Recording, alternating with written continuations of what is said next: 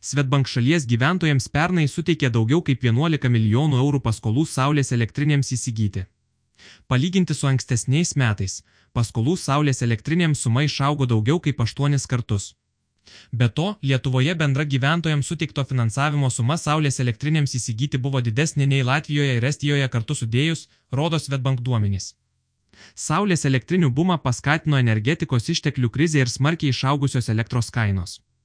Skaičiuojame, kad mūsų suteiktas finansavimas gyventojams padėjo įsirengti apie 8,5 MW galio saulės elektrinių, kurios per metus pagamins apie 8,5 GWh elektros ir turėtų leisti sutaupyti iki 1,7 milijonų eurų, vertinant pagal vidutinę elektros kainą biržoje praėjusiais metais, sako Tomas Pulikas. Svetbank vartojimo paskolų ir automobilių finansavimo departamento direktorius. Remiantis Svetbank duomenimis, pasitelkę tikslinį finansavimą, per praėjusius metus saulės elektrinės įsirengė ar įsigijo daugiau nei 1300 namų ūkių Lietuvoje. Latvijoje tokių namų ūkių skaičius siekia beveik 470 o Estijoje virš 500. Pasak Tėpuliko, įsirengdami saulės elektrinę gyventojai prisideda ir prie emisijų mažinimo tikslų ir vietinės elektros generacijos plėtros.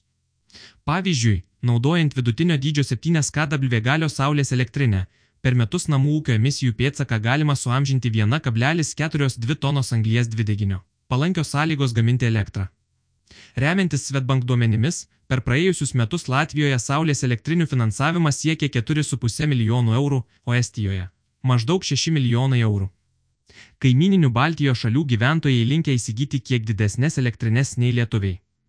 Mūsų banko duomenimis, vidutinė saulės elektrinės paskolos suma Lietuvoje sudarė apie 8,3 tūkstančius eurų, kai Latvijoje jis siekia apie 9,5 tūkstančių eurų, o Estijoje apie 11,9 tūkstančius eurų, komentuoja Tėpulikas.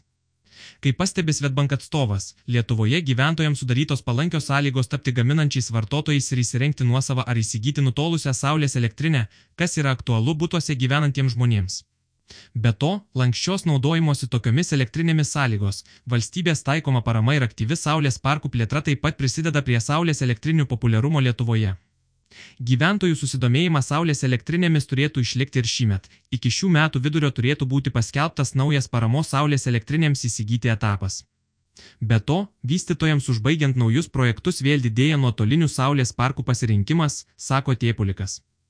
Šiuo metu aplinkos projektų valdymo agentūra apvaikė šiam birželio pirmą dieną laukia paraiškų iš mažesnės pajamas gaunančių gyventojų, kurie nori gauti paramą energetinio efektyvumo sprendimams, Ir šiam kvietimui skirta apie 2 milijonai eurų. Dar apie 3 milijonai eurų kaip kompensacija iki gruodžio pirmos dienos bus skirta daugiabučių gyventojams, kurie norės pradėti naudoti žalėją energiją.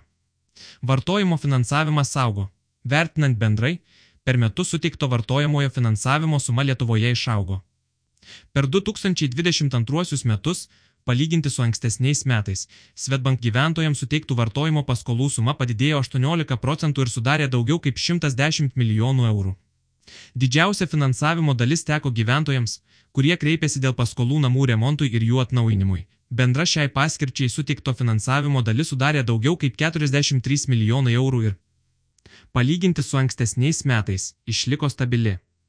Per praėjusius metus Palyginti su ankstesniaisiais, gyventojai 25 procentai daugiau pasiskolino kasdienėms vartojimo reikmėms, o bendra šio finansavimo suma sudarė beveik 32 milijonai eurų.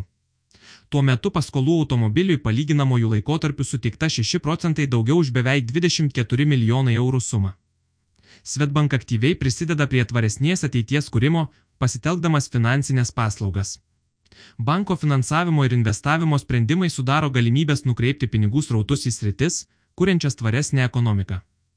Svetbank padeda žmonėms priimti tvaresnius kasdienius sprendimus, o įmonėms - sėkmingai dėkti tvarumo pokyčius ir tokiu būdu gerinti savo konkurencingumą, atsparumą ir vertę.